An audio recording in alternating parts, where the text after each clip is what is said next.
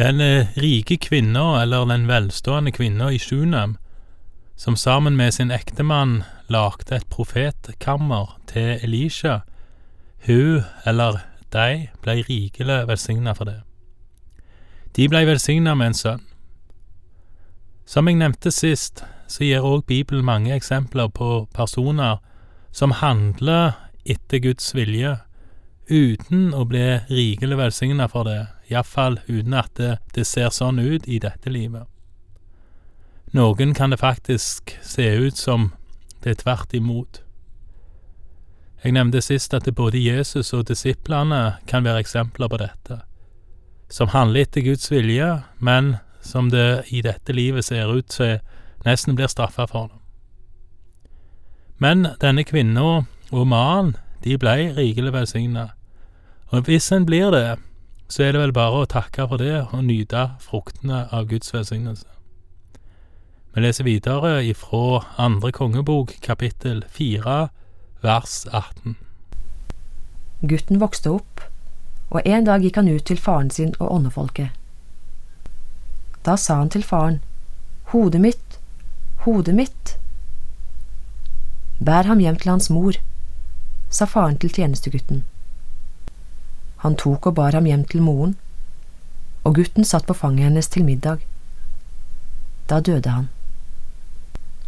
Hun gikk da opp og la ham på gudsmannens seng. Så lukket hun døren og gikk ut.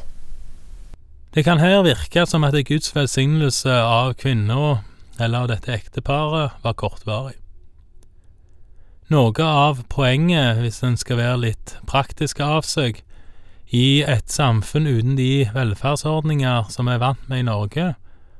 Litt av poenget med å ha et barn var at barnet skulle ta seg av foreldrene når foreldrene ble gamle.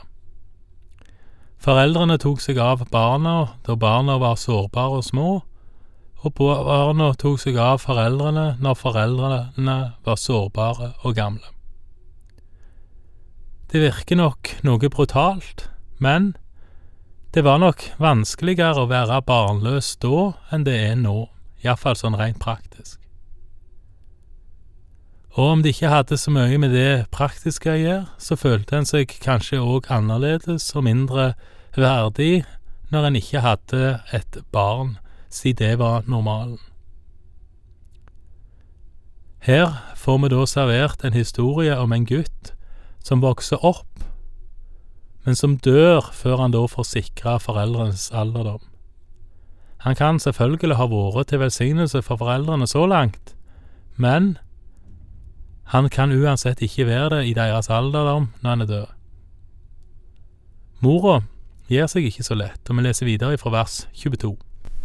Kvinnen ropte på mannen sin og sa, Send meg straks en av tjenesteguttene og et av eslene.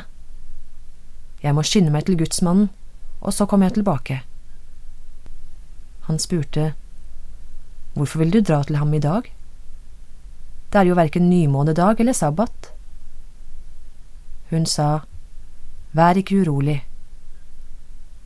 Så salte hun eselet og sa til tjenestegutten, Driv det av gårde, og stans meg ikke mens jeg rir uten at jeg ber deg om det. Så dro kvinnen av sted og kom til gudsmannen på Karmelfjellet.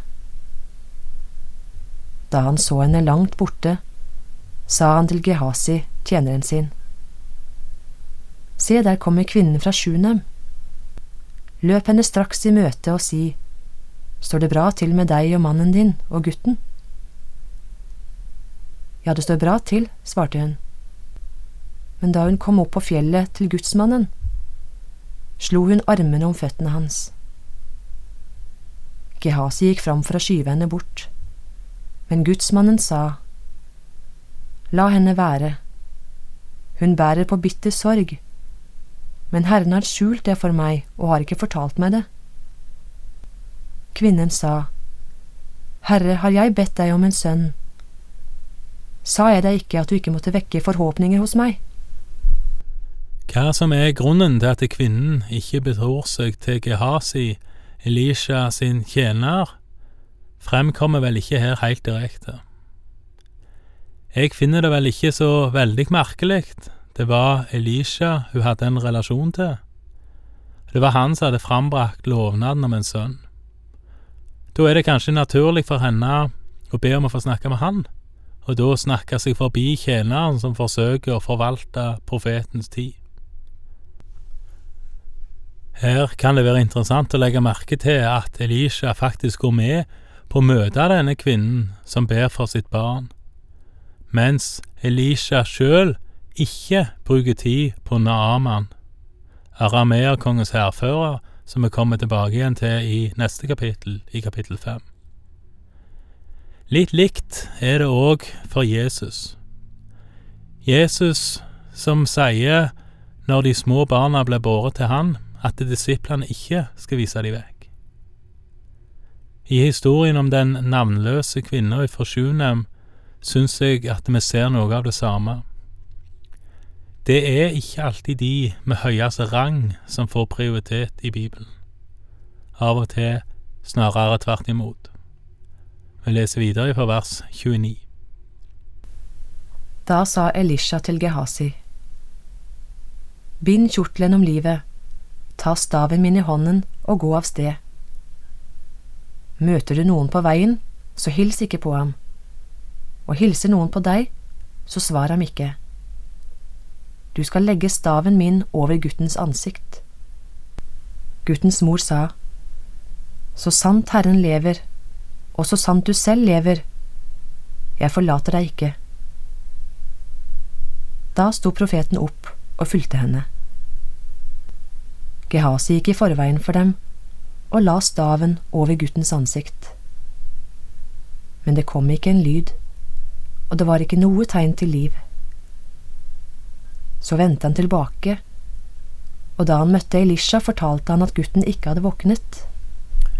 Elisha sender tjeneren sin Gehazi for å vekke opp sønnen, men ingenting skjer. Hvorfor ingenting skjer, det står det ingenting om. Tjeneren gjør det som Elisha sier han skal gjøre, nemlig å legge staven sin over gutten. Det er så langt jeg kan forstå ikke på grunn av noe Gehazi gjør eller ikke gjør, at gutten forblir død. Elisha og mora til gutten kommer fram noe seinere, og vi leser videre fra vers 32. Da Elisha kom fram til huset, lå gutten død i sengen. Han gikk da inn og stengte døren så han ble alene med gutten. Han ba til Herren.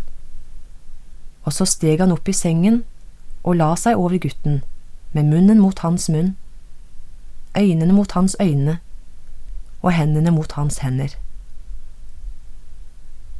Da Elisha bøyde seg ned over ham, ble guttens kropp varm. Elisha reiste seg opp igjen og gikk en gang fram og tilbake i rommet. Så steg han opp i sengen igjen og bøyde seg over gutten. Da nøs gutten sju ganger og slo øynene opp. Nå skjer det et under. Hvorfor, det vet vi ikke. Forskjellen i det som beskrives, er vel da todelt. For det første så står det at Elisha ba til Herren. Det kan en vel nesten anta at Elisha og tjeneren hans, Gehazi, gjorde den siste gangen òg, men det vet vi altså ikke, for det står ikke noe om det.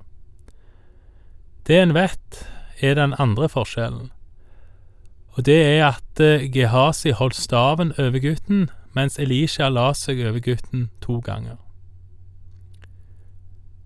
Igjen tenker jeg at en skal være forsiktig med å slutte ifra denne engangshendelsen til evige eller allmenne lover.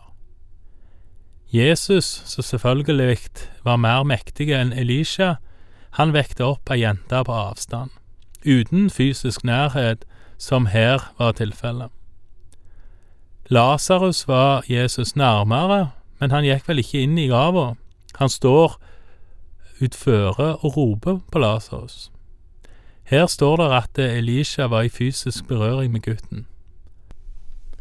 Så vi ser at det varierer en del det varierer en del hva som blir gjort når noen blir vekt opp ifra de døde. Men det som vel de fleste har erfart når en ber om at noen skal bli vekt opp ifra de døde, er vel ikke en variasjon over forskjellige måter det blir gjort på, men et fravær av positivt svar.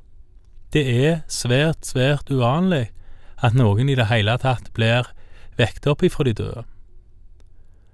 Men enten det gjelder oppvekkelse fra de døde eller helbredelse av sykdom, som vel må regnes for å være mer vanlig, så vil et fokus på hvorvidt eller i hva grad en gjør det på rette måten eller ikke, et sånn et fokus tenker jeg vil være mer til belastning enn til velsignelse.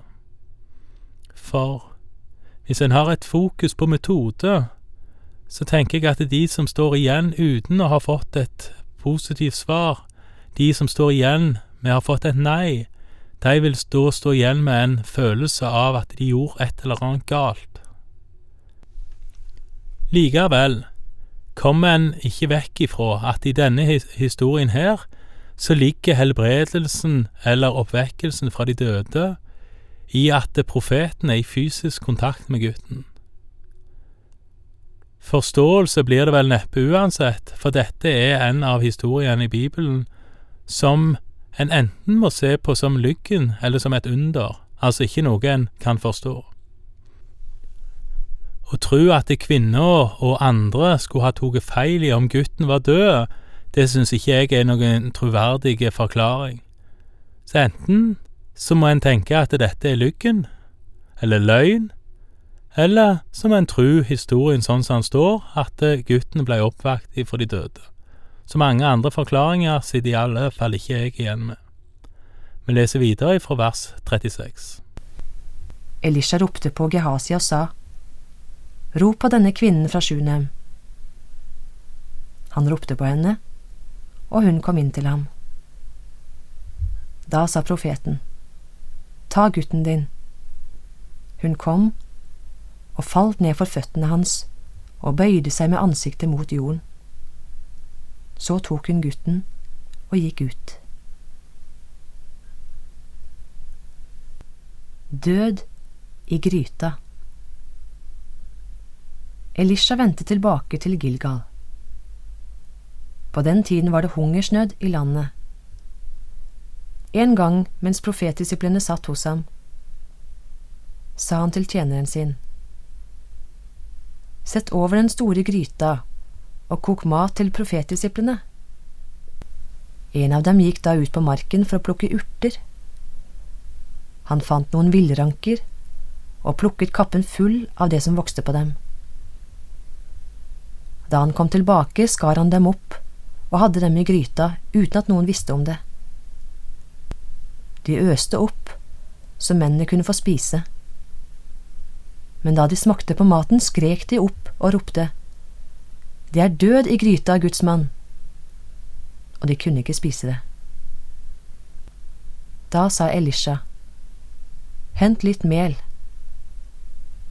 Det hadde han oppi gryta og sa, Øs nå opp for folkene så de får spise. Nå var det ikke lenger noe skadelig i gryta. Historien om døden i gryta kan forstås på minst tre måter. Den ene er at de ukjente, giftige urtene som ble lagt i gryta, ble nøytralisert av mjølet som kom i. Den andre tolkningen er at de ikke var reelt giftige, men at de hadde en giftig smak, og at denne smaken ble nøytralisert av mjølet til Elisha. Den siste muligheten jeg kommer på, er at melet er som et middel eller et symbol på en helbredende handling. Litt som da Elisha la seg over gutten som ble vekket opp. Gitt at en tror på hendelsene, at de har skjedd, så blir det likevel litt rart å tenke at det var Elisha i seg sjøl, at han la seg over gutten, som gjorde at livet vendte tilbake. På samme måten, det var vel ikke mjøl i seg sjøl. Det å ha i mjølet, eller det å legge seg oppå, var vel heller konkrete handlinger i tro, som både overfor Elisha sjøl, mellom Elisha og Gud, men òg mellom Elisha og de andre, viste at profeten handla konkret for å være et middel for Guds nåde. Sånn kan vel vi òg i våre dager tenke. Det er ikke det vi sier eller det vi gjør som betyr noe, i seg sjøl, men kanskje kan det likevel brukes, og da med Guds kraft og hans bifall eller hans velsignelse blir til stor velsignelse. Vi leser videre om brødunderet i vers 42. En gang kom det en mann fra Baal Shalisha. Han hadde med seg brød til gudsmannen, 20 byggbrød, som var bakt av førstegrøden. Nyhøstet korn hadde han også i sekken. Da sa Elisha, Gi det til folkene så de får spise. Men tjeneren hans sa, Hvordan kan jeg sette dette fram for hundre mann? Gi det til folkene så de får spise, gjentok Elisha. For så sier Herren, de skal spise, og det skal bli mat til overs. Så satte han det fram for dem. De spiste, og det ble mat til overs, som Herren hadde sagt.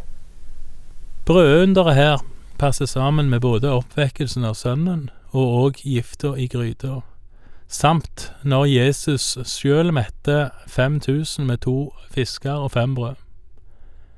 Det er ikke det konkrete middel som er det viktigste, enten det er mel, brød, fisk, eller det å legge ansikt til ansikt. Det som er felles, er Guds makt og Hans herlighet.